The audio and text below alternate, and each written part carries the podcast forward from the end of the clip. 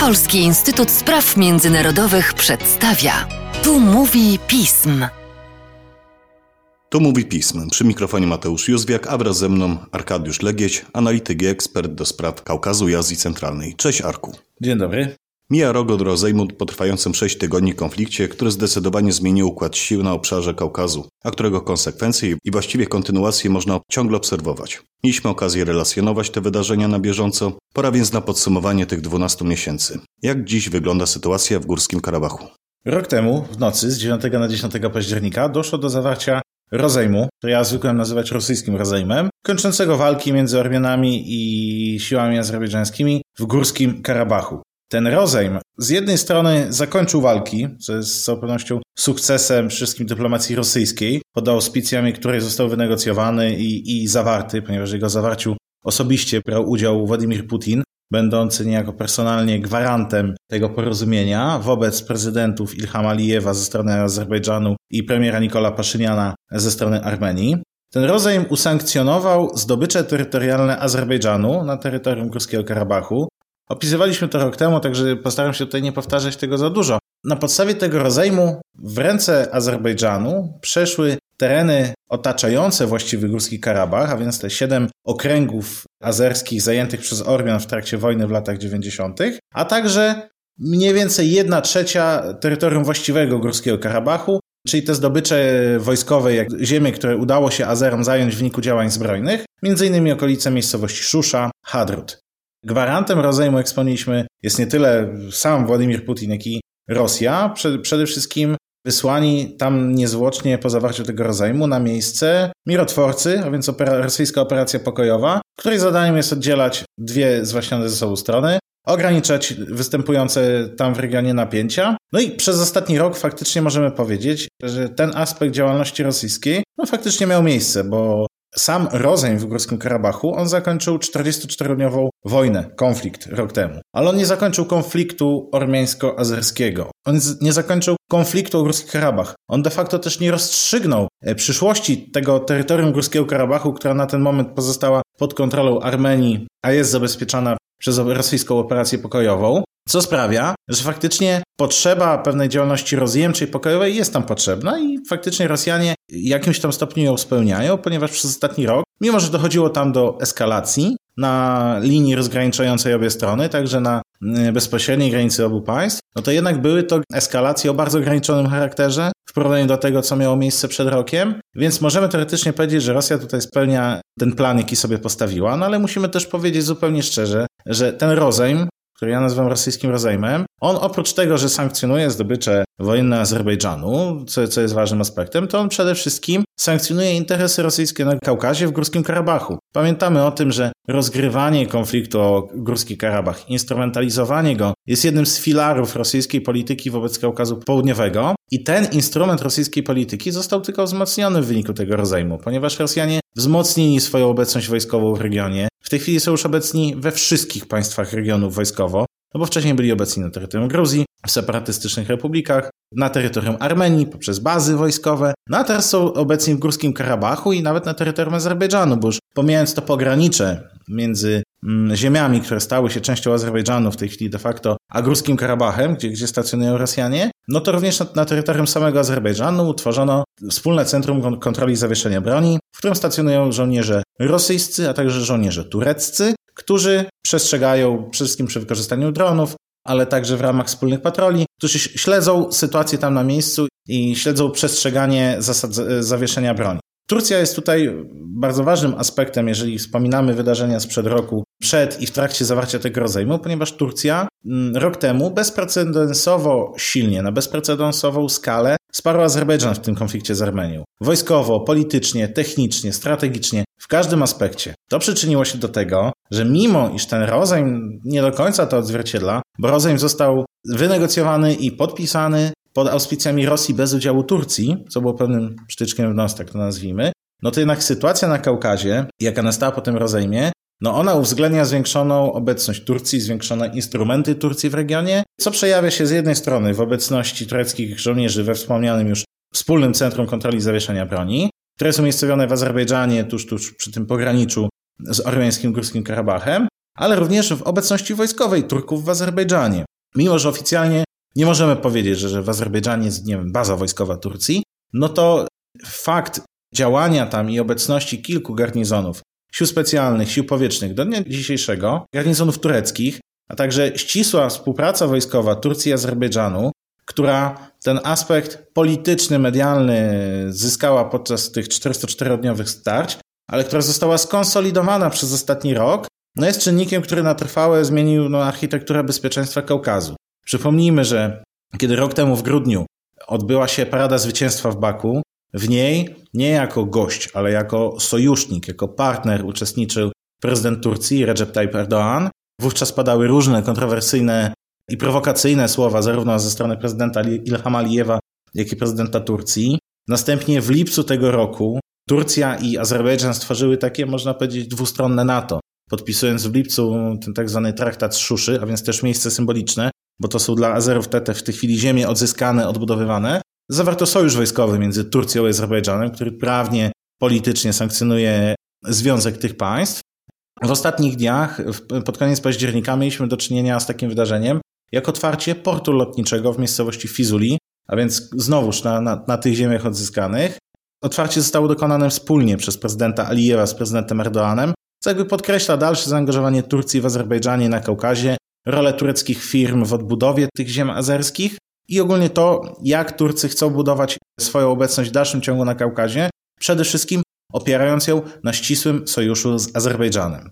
Jednak ostatni rok, mimo że śledziliśmy go pod kątem procesów zachodzących w Azerbejdżanie, który był państwem zwycięskim w tym konflikcie, państwem, którego rząd wiele zyskał na tym konflikcie, bo w dalszym ciągu Ilham Alijew i otaczająca galita polityczna, możemy powiedzieć, że przeżywają taki miesiąc miodowy, bo nagle te wszystkie problemy, jakie w polityce wewnętrznej, zagranicznej oscylowały wokół kwestii nierozwiązanej jeszcze rok temu, kwestii Górskiego Karabachu przez Azerbejdżan, no teraz nagle zostały jak za dotknięcie magicznej różdżki rozwiązane, nastroje społeczne radykalnie się poprawiły i władza na tym bardzo korzysta, ale to nam tylko pokazuje ten aspekt tego, że y, konflikt ormiańsko-azerski, no nie możemy go uznać zakończony. A w zeszłym roku przy okazji tego rodzaju pojawiło się dużo takich opinii. Konflikt azersko-ormiański ma podłoże dotyczące nie tylko konfliktu terytorialnego zwierzchnictwa nad Górskim Karabachem. On ma również uwarunkowania historyczne, etniczne, ale także polityczne. I to na przykładzie tych politycznych możemy zobrazować całą złożoność tego konfliktu, która najbardziej jest właśnie odzwierciedlona w tym pewnym symetryzmie występującym na poziomie politycznym i społecznym po obu stronach. Zarówno jedno i drugie państwo, a w zasadzie ich rządy, instrumentalizują w dalszym ciągu konflikt o Górski Karabach do swoich pragmatycznych, e, partykularnych celów, przede wszystkim w polityce wewnętrznej, ale zagranicznej również. Po stronie Azerbejdżanu mamy sytuację, kiedy no, niedemokratyczny rząd, niedemokratycznie wybrany rząd Ilhama Alijewa, rząd autorytarny, no, nie mówię tego przez złośliwość, ale po prostu przez fakt, że żadne wybory w historii Azerbejdżanu nie zostały przez OBWE, obserwujące tam wybory, nie zostały ocenione za wybory demokratyczne, wolne, równe i tak. No to jednak taki rząd, jeżeli nie ma legitymacji do, do, do sprawowania władzy, mm, do swojego mandatu pochodzącej z demokratycznych wyborów, no to musi legitymacji tego mandatu poszukiwać gdzie indziej. A bardzo łatwo wytworzyć tego typu e, filary poparcia, jeżeli w dalszym ciągu mamy konflikt, jeżeli umiejętnie go instrumentalizujemy, no bo wówczas jest to świetny instrument mobilizacji społecznej, świetny instrument sprawowania władzy przez siłę, przez represję i z tym mamy do czynienia po stronie azerskiej. A w dodatku, jeżeli ten konflikt może służyć jako pewien punkt wyjścia do zawiązywania sojuszy i do prowadzenia powiedzmy polityki regionalnej, tak jak ma to miejsce w przypadku sojuszu azersko-tureckiego, no to tym bardziej jest to, jest to widoczne. Najbardziej zostało to uplastycznione podczas tej parady zwycięstwa w Baku, wspomnianej już przeze mnie, kiedy z jednej strony prezydent Alijew powiedział, no, że oczywiście zwycięstwo azerskie to jest wielki sukces, no ale musimy pamiętać o tym, że nie wszystkie ziemie azerskie zostały wyzwolone i, i wówczas skazał na części terytorium już nie tylko Górskiego Karabachu, ale także Armenii właściwej, takie jak prowincja Siunik, czy nawet część okolic Erywania, nazywając te ziemie azerskimi. To pokazuje, że nawet mimo faktu, że Azerbejdżanowi udało się osiągnąć wszystkie najważniejsze cele w Górskim Karabachu, a może nawet udało się osiągnąć więcej niż było to na początku planowane, to w interesie tego państwa nie jest wygaszenie tego konfliktu, bo wtedy, kiedy będzie to potrzebne, będzie można ten konflikt podgrzewać i go instrumentalizować. Przykładem też na to są ostatnie miesiące i relacje azersko-irańskie, wzrost napięć między tymi dwoma państwami. No bo znowu tutaj możemy wrócić do, do tej parady zwycięstwa i do słów tym razem prezydenta Erdoana, który cytując pewnego perskiego poetę, odwoływał się do, do nacjonalizmu Azerów żyjących po stronie irańskiej, których od 10 do 15 milionów, nawołując do, do konieczności zjednoczenia narodu azerskiego. To też pokazało, że ten sojusz turecko-azerski, no on wykracza poza sam konflikt w Górskim Karabachu. On również ma swoje cele w polityce wobec Iranu, czy wobec Rosji, czy wobec innych państw w regionie. No ale tutaj mówimy o tej stronie zwycięskiej cały czas, Azerbejdżanie. No ale jest jeszcze druga strona, jest Armenia. Tam z kolei porażka w, w, w ubiegłorocznej wojnie no stała się kolejną traumą w historii tego narodu. Traumą taką stanowiącą pewną kontynuację w pewnym odczuwaniu swojej historii, pewnej ciągłości. Od ludobójstwa Ormian przez ym, wojnę na przełomie lat 80. i 90. z Azerbejdżanem, po teraz tą wojnę czterodniową, która miała miejsce rok temu. Jest to kolejna wielka trauma, kolejna istotna porażka Armenii, która ma zarówno konsekwencje na tym takim poziomie tożsamościowym, społecznym, ale również na poziomie politycznym. Przez ostatni rok mieliśmy do czynienia z pewnym politycznym dominem, które przetoczyło się przez Armenię, od protestów antyrządowych, od rozpisania przedterminowych wyborów parlamentarnych po ich przeprowadzenie. I tutaj co ciekawe, mimo że premier Nikol Paszynian no jest politykiem, który przegrał najwięcej, więcej niż jego wszyscy poprzednicy w Górskim Karabachu. I mimo, że ten polityk jest obarczany przez dużą część społeczeństwa odpowiedzialnością za, za porażkę w tej wojnie, bo pomimo pewnych dysproporcji w możliwościach wojskowych, e, budżetowych, ludzkich Armenii i Azerbejdżanu, z czym Ormianie się liczyli,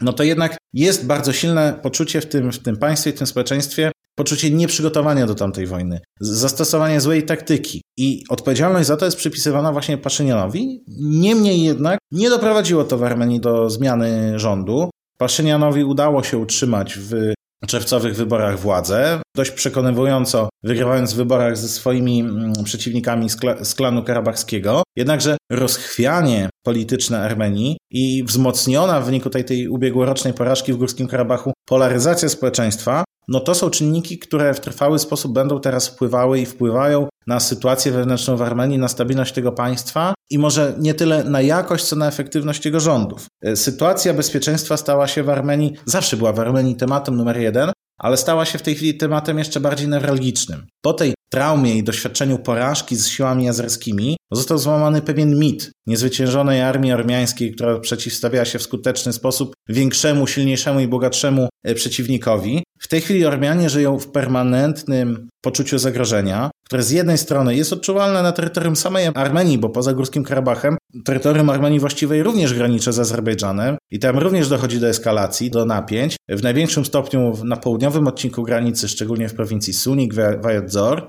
Ormianie z tego względu w większym stopniu zabiegają o rosyjską obecność wojskową na swoim terytorium, o być może utworzenie drugiej bazy wojskowej, po Giumri i po bazie lotniczej w Erebuni o większe wsparcie i współdziałanie z Rosją w kwestii bezpieczeństwa, zdając sobie sprawę, że jest to dla nich jedyny, jedyna możliwość w tej chwili efektywnej obrony swojego terytorium, w przypadku ewentualnej większej eskalacji z Azerbejdżanem, no bo ubiegłoroczny konflikt dał im do zrozumienia, że sami nie są w stanie się obronić. I mimo, że są politycy na armeńskiej scenie politycznej, którzy cały czas dążą do, do pobudzenia pewnych rewizjonistycznych postaw w społeczeństwie Armenii, zapowiadają w przyszłości odbicie Górskiego Karabachu, no to jednak na poziomie społecznym Armenianie raczej na ten moment zdają sobie sprawę, że są stroną słabszą i to niestety popycha ich w jeszcze większym stopniu w objęcia polityczne, gospodarcze Rosji. Natomiast w samym Górskim Karabachu, kontrolowanym przez Ormian, no przez ostatni rok utrwalały się tam negatywne trendy. Trwała depopulacja, która została zapoczątkowana podczas działań wojennych, ale która była kontynuowana już po ich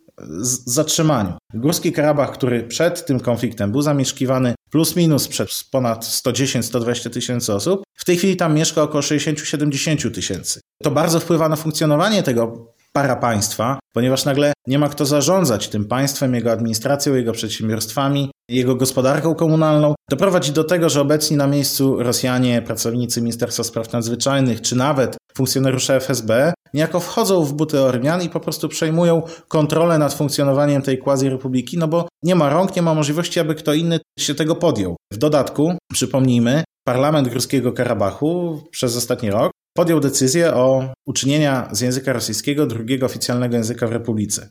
Ten aspekt wraz z towarzyszącym procesem paszportyzacji ludności Górskiego Karabachu, a więc rozdawania paszportów rosyjskich, no jest czynnikiem, który też skłania nas już w ramach takiego pewnego podsumowania do ocenienia, jakie perspektywy czekają konflikt w Górskim Karabachu, czy, czy w ogóle sytuację tam na miejscu. Ponieważ wprowadzeni tam na miejsce po zawarciu ubiegłorocznego rozejmu rosyjscy mirotworcy, rosyjska operacja pokojowa, no ona ma mandat tam na miejscu na 5 lat. I z jednej strony no, możemy się zastanawiać, co będzie, jeżeli któraś ze stron będzie chciała wypowiedzieć tę umowę i pozbyć się Rosjan e, z Górskiego Karabachu. No ja jednak jestem sceptyczny wobec takiego scenariusza, ponieważ Rosja nie ma interesów, aby wycofywać się z Górskiego Karabachu. Obecność tam jest w tej chwili strategicznym instrumentem jej polityki zagranicznej wobec Turcji, wobec Iranu, wobec wszystkich państw Kaukazu, a fakt funkcjonowania języka rosyjskiego, upowszechnienia go w Górskim Karabachu, a także rozdawnictwa rosyjskich paszportów, no będzie w przyszłości argumentem do tego, że no, no chwileczkę, ale jak się mamy wycofać? Przecież tam są nasi obywatele, tam są osoby rosyjskojęzyczne. Nikt inny niż my nie zapewni im bezpieczeństwa, więc wiemy,